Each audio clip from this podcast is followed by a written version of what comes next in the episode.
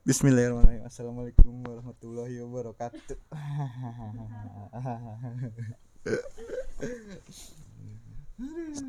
Udah lama. Ini lagi tag podcast ceritanya. Podcast kedua. Ya gitu.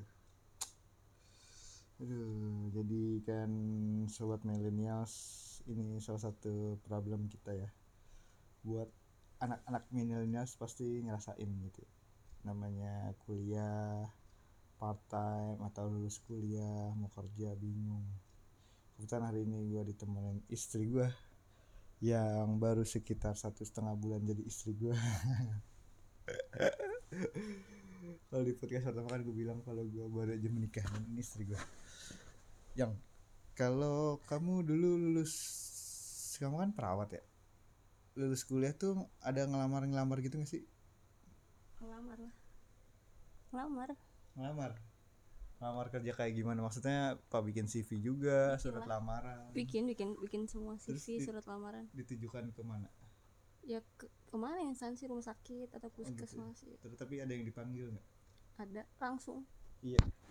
Langsung gimana maksudnya? Langsung jadi kampusnya itu udah kerja sama gitu sama beberapa dinkes. Dinkes apa rumah sakit itu? Dinkes dulu. Kan aku pertama kali lulus ke dinkes Mm-mm. gitu. Terus dia ngasih surat edaran gitu kalau dia butuh misalnya Mm-mm, 50 mm-mm. orang perawat Mm-mm. dari kampus aku gitu Iya. terus nanti kampus tinggal nge-share aja siapa yang mau Hmm. terus kamu sempat apply apply terus panggil nggak panggil tapi kok malah jadinya ke puskesmas katanya Iya kan dari dinkes itu disalurkan ternyata buat puskesmas dibagi-bagi. oh gitu iya iya iya iya iya.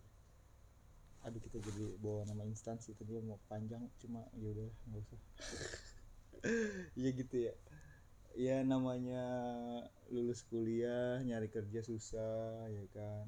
Buat interview ke sana sini gitu kan. Iya jadi eh sebelumnya kan gue bilang kalau gue mau habis kontrak ya di podcast pertama gue dan gue juga lagi cari-cari kerja gitu. Buat teman-teman yang masih pada kuliah saran gue baik yang masih yang mau lulus kuliah atau masih kuliah atau baru mau SMA juga bisa nih buat nentuin jurusan lu bingung jurusan apa terus lu kira-kira kayak ah gue pengen kerja aja pokoknya kebayangin gue pengen nyari duit gitu. Mungkin lu nggak terlalu minat ke passion mana-mana yang lu pikir lu pengen jadi apa pengen jadi apa yang cuma mikir eh, general gitu kayak gue yang gue pengen kerja lu bisa mulai buat LinkedIn deh. Buat LinkedIn karena dari situ nanti lu ngeliat tuh banyak lowongan-lowongan mungkin kalau lu SMA gitu kan lu lihat banyak-banyak lowongan terus lu tahu lowongan mana yang eh, membutuhkan jurusan apa? Gimana maksud maksud gue lu tahu jurusan apa yang banyak dibutuhin di dalam lowongan itu di LinkedIn terutama kan gitu. Karena banyak tuh kalau LinkedIn tuh jadi kayak Facebook tapi buat eh, dunia profesional gitu ya. Lu jangan curhat dah atau jangan lu foto selfie di post di LinkedIn gitu kan ya kan? Kocak itu lu bakalan dihujat lu. Kecuali mungkin lu cakep ya gitu. Tetap aja mau di mana mana juga laki kan foto cewek cakep selfie rame deh tuh komen gitu. Kayak gitu. Nah jadi ceritanya gue lagi nyari kerja. Gue nyari kerja alhamdulillah gue udah kayak minum obat ya. Teman-teman gue pada susah bet ya. Bahkan buat di interview aja susah gitu. Alhamdulillah ya. Termasuk istri gue bilang gitu kan temen aku sih dipanggil aja enggak gitu. Sedangkan gue alhamdulillah dipanggil aja seminggu kalau lagi rame nih kalau lagi rame seminggu bisa tiga kali gitu. Kerjaan gue kayak interview doang anjir. Gitu tapi kagak ada yang offering letter offering letter kan bingung juga gue cuma mungkin belum rezeki ya gitu. Terus eh banyak lah keanehan gitu dari mulai melamar kerja. Ada aja lah pasti ceritanya tuh buat senior senior yang pasti lebih dulu terjun ke dunia kerja bagaimana mereka mencari kerja gitu kan jadi saran gue selalu buat LinkedIn lu buat profile lengkapin LinkedIn lu gitu kan.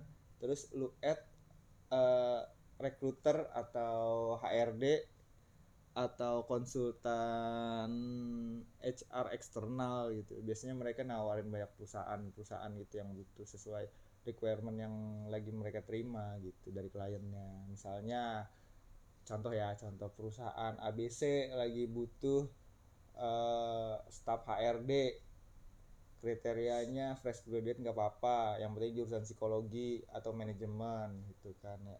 Nanti si recruiter itu naruh lowongan nah lu apply tuh setelah lu apply eh, nanti akan di hire sama mereka. Kalau menurut mereka sesuai itu akan dikontak gitu kan. Setelah itu nanti kalau misalnya lu cocok lu akan maju ke tahap selanjutnya sampai tahap-tahap tahap selanjutnya sampai akhirnya offering letter. Tapi jika lu gagal data lu akan disimpan sama mereka dikip sama mereka.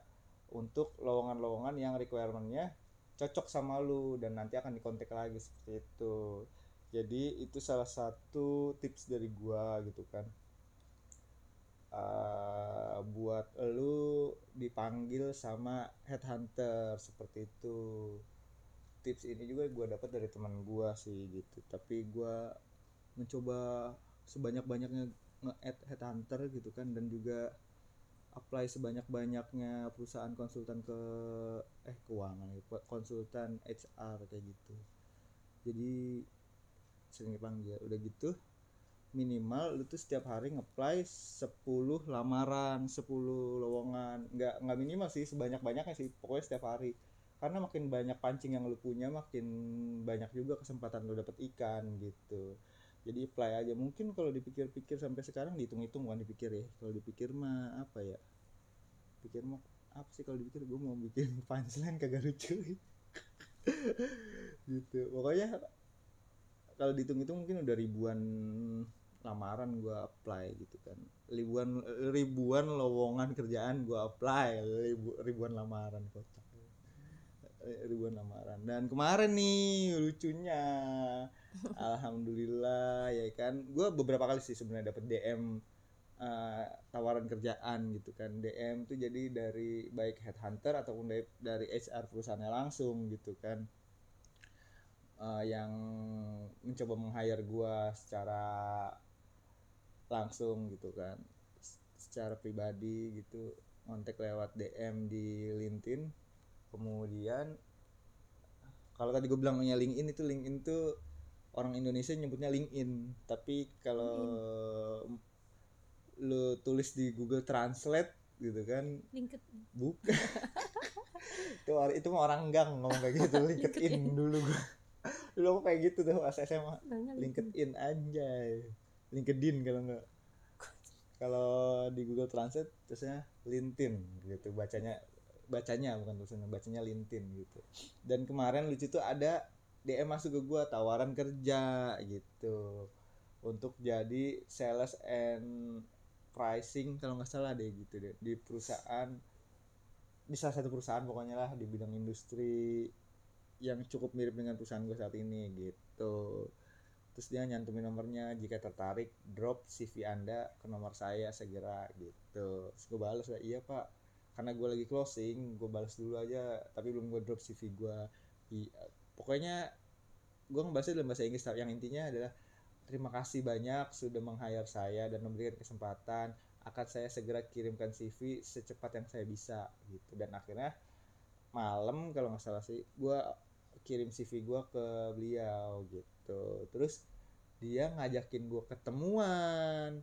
Yang yang anehnya adalah gue biasa ya di hire kayak gitu di DM kayak gitu. Biasanya tuh uh, gue disuruh isi profile gue dulu di Google Formnya dia gitu kan. Atau enggak dimasukin ke Zoom gitu. Meet uh, interview singkat by Zoom gitu kan. Sampai akhirnya gue harus ngelipir-ngelipir dari kantor ke musola dulu atau ke gudang gitu buat interview singkat. Nah kalau bapak ini kemarin ngajakin gua ke kafe anjir kan? Bingung gak lu kan? Gue bingung maksud gue perusahaan kan perusahaan ya gitu kan ya. Kenapa nggak nge-hire gue ke sana aja gitu? Itu lebih masuk akal mungkin kan karena menurut gue itu gue baru pertama kali lah dapet yang kayak gini entah mungkin kalian udah pernah atau gimana gitu kan. Jadi buat gue baru pertama kali dan gue kaget kan gitu kan. Ini jangan-jangan gue mau ditipu apa gimana kan gue bingung. Akhirnya gue tanya lah coba temen gue yang emang HR pengalaman di HR gitu kan. Bro ini gue dipanggil sama orang kan buat interview tapi orangnya ngajakin out of his hour gitu kan di daerah dekat rumah juga sih gitu di Greenwich gitu kan di salah satu restoran di Greenwich terus eh, gimana ya gue takut tipu karena gue ngecek profile LinkedIn-nya juga kayak kosong sepi gitu gitu. Nggak ada apa-apa nggak ada pengalaman kerja yang gimana gimana dia cuma tulisan direktur PT ini ini ini gitu direktur PT ini gitu untuk saat ini. Tapi pengalamannya nggak ada. Terus kayak nggak ada apa ya eh apa sih aktivitasnya juga nggak ada nggak ada komen. Kan biasanya lu kalau misalnya di LinkedIn tuh kayak mirip Instagram zaman dulu ya. Lu ketahuan nge-like foto siapa nge-like postingan siapa bukan foto postingan siapa atau lu komen apa gitu. Makanya lu jangan coba-coba komen atau gimana yang mesum-mesum lu kalau terbiasa bermesum ria di Instagram atau di Twitter lu kalau di sana lu ntar ditandain HRD lu. Karena ke track gitu di aktivitas lu lu pernah ngapain di situ gitu. Ter- terus karena gua agak curiga gue tanya ke temen gua emang untuk posisi apa bro? Ini untuk sales gue bilang gitu kan. Oh ya udah nggak apa-apa sales mah emang fleksibel sih nggak harus di kantor gitu kan. Ya lu datengin aja gitu Gua- meskipun dibilang kayak gitu kan tetap takut ya. Nah gimana ya? Gitu kan ya. Takut aja gitu ditipu. Cuma mungkin gua akan worry kalau gua akan lebih worry kalau gue perempuan sih gitu. Karena itu diajaknya di luar gitu kan. Out of office hour jam 6 maghrib gitu. Terus ya akan worry sih. Cuma karena gue pikir gue cowok ya dia mau ngapain juga yang nge-hire gue juga cowok. Kalau cewek juga ya dia mau ngapain sih? Gitu. Ada juga cewek yang takut ya kan? Gitu. Jadi ya udahlah gue samperin aja lah. Toh gue nggak tahu itu bener apa enggak. Sebelum gue samperin gitu gue akan tahu kebenarannya itu itu modus atau itu penipuan atau enggak setelah gue ketemuin kan. Lagi pula kalau emang dia mau niat nipu ya gue sebagai cowok kan harusnya bisa uh, defense lah atau gue ya tolak atau gimana kan gitu. Seandainya dia minta uang atau gimana Terus gue ketemu lah kan gitu. Tapi gue bilang sebelumnya pas baru sampai tuh pak maaf saya udah di Greenwich tapi saya mau sholat maghrib dulu ya gitu. Soalnya tanggung maghrib akhirnya gue sholat dulu. Biar gue ketika nyampe situ bapaknya udah ada. Jadi gue tahu bapaknya yang mana gitu. Jangan sampai ketika eh ketika interview di luar itu lu yang sampai duluan gitu. Lu bingung juga kan lu mesen makanan ya kan nanti lu yang bayar lagi gitu. Jadi udah biar bapak itu datang dulu lah maksud gua. Ini berbeda hal kalau lu dipanggil ke kantor ya lu harus datang lebih cepet. Gitu akhirnya setelah ketemu dia ngajakin tos ya kan. Si bapak ini wah gue pikir gimana nih ya serius apa enggak nih? Gitu. Orangnya ya gimana ya gue boleh menggambarkan ya semua tapi takut didengar ya sama orang ya ah, tapi so iya banget podcast gue didengar orang kayak iya aja yang denger banyak. Paling juga yang denger cuma gue sama istri gue iya. muda nggak orangnya? Hah? Orangnya masih muda nggak? Eh, umurnya sekitar 40-an lah gitu. Brewokan. Dia cerita panjang lebar sih gitu tentang kerjaan kayak gimana gitu. Jangan terus dia sedikit wawancara gua. Tapi dia banyak ngasih advice advice gitu. Gue pikir ini kok gue jadi kayak dapat kelas ya gue bingung ya mana bapaknya doyan buat ngomong lagi gitu. Terus awal duduk tuh gue dia tawarin makan makan pesan aja mas gitu. Enggak ah, enggak enggak pak enggak apa-apa makasih udah makan saya tadi di kantor gue bilang kayak gitu kan ya. Enggak apa-apa pesen aja minum kayak minum. Akhirnya karena dipaksa ya kan gue pesen aja lah minum gitu kan. Karena gue bingung pesen apa akhirnya gue pesen kopi gitu. Setelah itu gue dikasih form gitu kan. Dia pakai seragam kantor sih pikir gue sih ya setelah ketemu cukup menjanjikan sih. Maksudnya eh, nggak sebegitu menyeramkan gitu. Ya kayak gimana ya? Santai. kayak lu dah lu kalau mungkin pernah ketemu cewek apa cowok dari Instagram gitu terus ngajakin lu ngajakin ngedate apa dia yang ngajakin ngedate ya kayak gitulah lu gitu aja. Maksudnya biasa aja sih gitu. Lu nggak usah terlalu bingung gitu kan ketika lu udah ketemu lu tahu yang benernya apa gitu. Terus ya udah ngobrol ngisi form gitu kan. Dia nanya-nanya tentang kerjaan gua. Tapi dia banyak cerita sih. Dia ngasih aduh gue sampai pegel tuh nggak pegel. Kan badan gimana ya? Nggak relax lah namanya ngomong sama orang yang nggak dikenal. Terus kita nggak tahu gitu dia benar apa enggak tapi dia juga nyantumin profilnya posisi dia itu agak tinggi ya kan sebagai manager director gitu kan. Which is ketika mungkin nanti lo kerja sama dia lu ya dia akan jadi bos lu gitu. Jadi lu harus tetap sopan gitu. Ya dia cerita panjang lebar lah pokoknya. Dari A sampai Z bagaimana dia mulai karir sampai akhirnya dia jadi sales dan jadi uh, manager director gitu kan. Gitu. Ya panjang lah. Terus akhirnya dia ngasih tau juga kenapa dia nggak nge-hire gue ke kantor karena kantor dia juga lagi renovasi gitu. Kantornya untuk saat ini di ruko tapi nanti akan pindah ke komplek industri gitu kan karena rukonya itu juga punya owner dari si perusahaan ini gitu kan dan rukonya itu mau dibuat restoran katanya gitu buat istrinya kayak gitu. Dan akhirnya ya udah ngobrol panjang lebar. Ternyata di hari yang sama juga harusnya dia ketemu seseorang untuk di bagian tracking delivery gitu. Dan ternyata orang itu juga masih satu kantor sama gua tapi beda perusahaan gitu.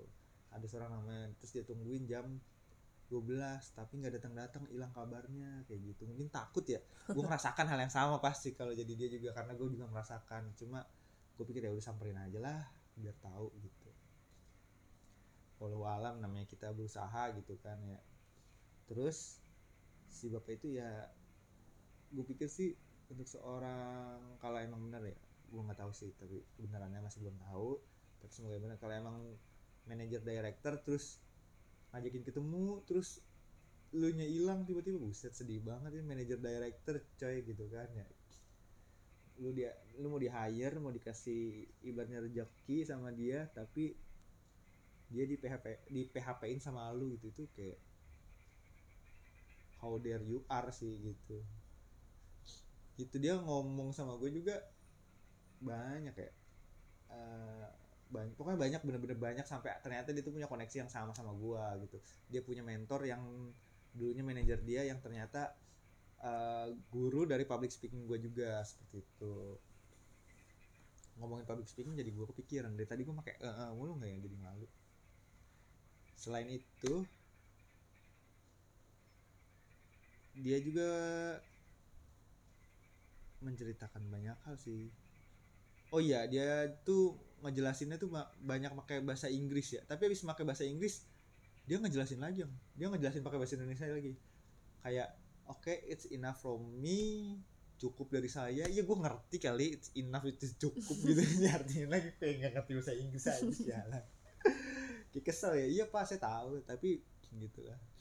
Bapaknya tuh agak brewok kacamataan. Terus gimana ya? Uh, orangnya bersih sih bersih tapi begitu nek. Begitunya kenapa? Gitu. Kayak vokalis yang suka kita omongin itu yang kemarin kita tonton itu ya adalah satu satu vokalis yang bandnya tuh agak oh, rock oh, tapi ngerok apa itu ngerok nggak sih dia? Agak band berisik. Band berisik lah band berisik zaman dulu tapi kayaknya agak kayak begitu gimana ya dibilangnya tuh kalau sebutannya tuh sekarang mungkin metroseksual ya nggak tahu lah semoga gitu. kayak gitu. Terus dia selalu bilang iya uh, gue mikir gitu gue sebagai laki gitu kan kepala rumah tangga gitu gue pengen punya karir yang menanjak gitu nggak melulu nungguin gajian doang gitu tapi punya insentif yang mana lu sebagai sales nanti akan mendapatkan insentif yang bahkan bisa lebih gede daripada gaji lu gitu kan ya. Dia, dia selalu menekankan ngomong gue sebagai laki gue sebagai laki gue juga tahu gitu ya lu kagak usah ngomong bentukan lu emang laki gitu lu selalu aja gitu kan. Nggak mungkin lu bewokan gue bilang cewek ya. Jangan-jangan. Iya makanya gitu kan. Karena apa ya kalau laki sama laki ngobrol nggak usah bilang gue sebagai laki gitu karena gue juga Iya. Bisa jadi. Nggak tahu ya, nggak tahu. Bisa jadi Jangan terlalu begitu lah, nanti takutnya kayak nanti takutnya didengar sama dia gitu.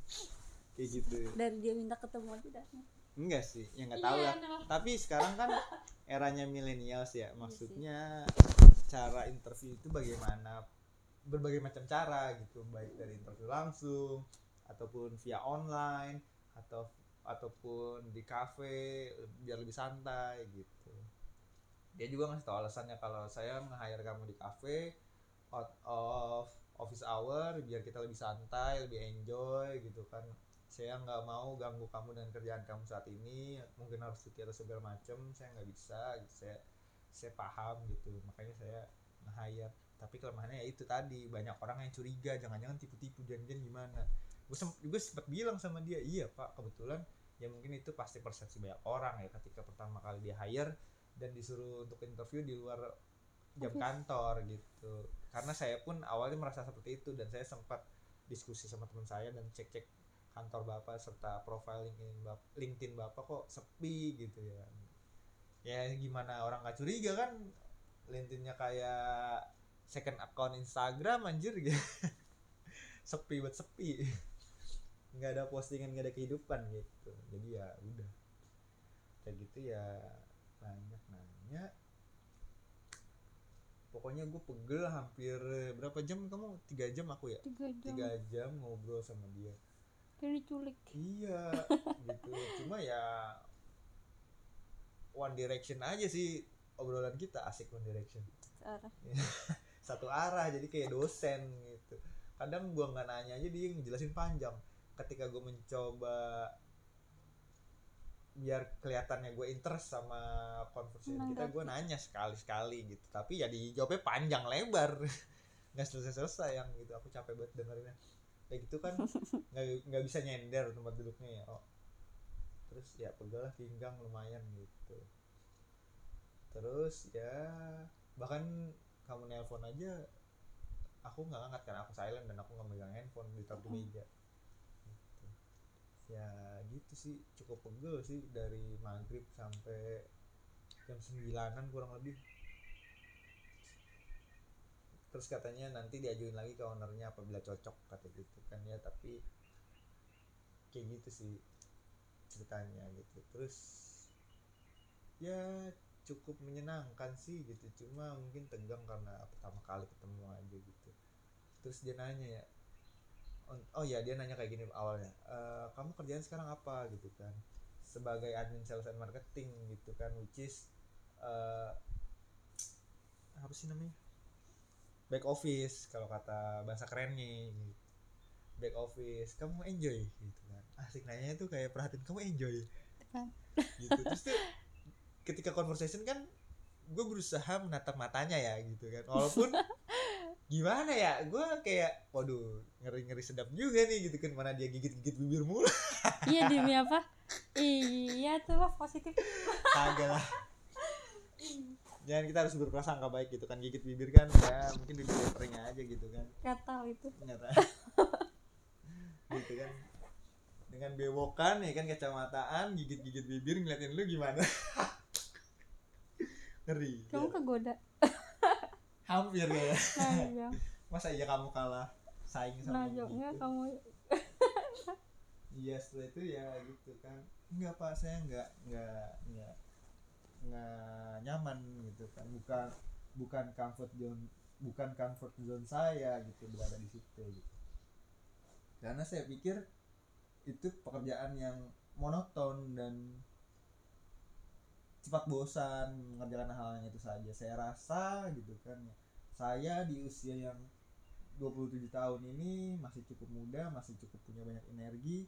Otak saya masih bisa diajak berpikir badan saya masih bisa diajak bergerak. Saya butuh yang lebih challenging. Asik nggak tuh mantap gitu kan. Lebih challenging. Terus ya udah. Kamu passionnya di mana gitu. Saya sih pak gitu. Apply-nya selama ini tuh sebagai sales business development. Oh kamu suka dunia sales kata dia gitu. Jawab dari, dari cara jawabnya tuh kayak gitu gitu. Gitu. Gitunya gimana? Ya kalau kita oh lu suka sales gitu. Oh lu suka dagang gitu. Oh kamu suka sales gitu. Gitu. Oh, gitu. Terus akhirnya iya pak gitu. Saya suka pekerjaan yang mobile nggak harus di kantor gitu kan ya yang saya bisa bergerak ke sana ke sini gitu kan. Oke oke oke gitu kan. Terus akhirnya dia ngejelasin lah kayak yang tadi bilang gimana awalnya dia juga tadinya dari back office terus kemudian dia menjadi sales di challenge sama pimpinannya bahwa kata dia sih bilang kalau pimpinannya bilang gua tahu kalau tempat itu bukan di sini itu bisa lebih di luar gitu. Gimana kalau lu gua pindahin jadi sales kayak gitu. Sempat awalnya dia sempat nolak gitu. Nggak mau ah karena eh, dia nggak tahu juga takutnya kalau misalnya dia fail di sales atau nggak mencapai target eh, resiko apa yang harus dia tanggung. Tapi kata atasannya enggak nanti lu balik lagi back office kalau memang lu merasa fail dalam tiga bulan gitu. Akhirnya ya udah mulai dari situ dia terus ngangkat jadi sales dan ya sampai di tempat yang sekarang. Dia tuh kayak ngasih apa ya? Kayak ngasih motivasi buat gua gitu loh. Kalau benar gitu sales tuh begini begini begini gitu. Kayak gitu. Kadang ngomongnya pelan banget. Sambil ngeliatin mata aku gitu ya. Aduh ngeri amat ya gitu kan. Aku mau nggak ngeliatin tapi kalau lagi interview harus ngeliat mata bukan untuk menantang ya tapi menunjukkan lu tuh terus interest lu tuh berani gitu dalam menatap lu cukup pede untuk ngobrol dan menatap mata seorang Eye gitu. contact. eye contact gitu. Kayak gitu deh ya. Terus juga setelah setelah tadi malam itu eh sebelum tadi malam itu siangnya gue ada interview dengan salah satu perusahaan pengembang properti gitu. Serta tesnya juga. Secara online tapi itu virtual. Dan tadi tadi gitu kan tadi pagi gue interview lagi gitu kan. Keren kan? Iya keren kan? Gitu interview. Interview mulu. Interview doang. Ya tapi semoga dari banyak interview jadi jodoh gue nanti satu amin gitu. Ya gitulah. Gitu. Kalau lagi banyak tuh banyak banget interview ya itu dari headhunter salah satunya. Tapi kalau buat em, perusahaan pengembang properti itu enggak sih itu email sendiri. Kebetulan di hire aja gitu.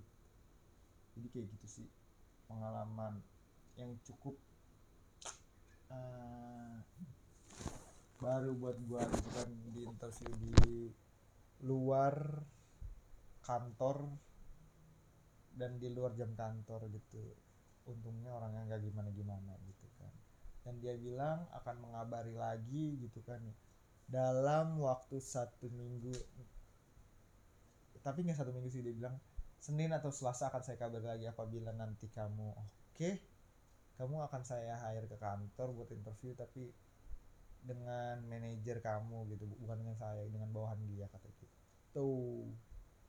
tapi untuk sementara saya butuhnya untuk sales admin dulu. Nanti saya yakin akan bisa memberi kamu posisi untuk menjadi sales seperti itu.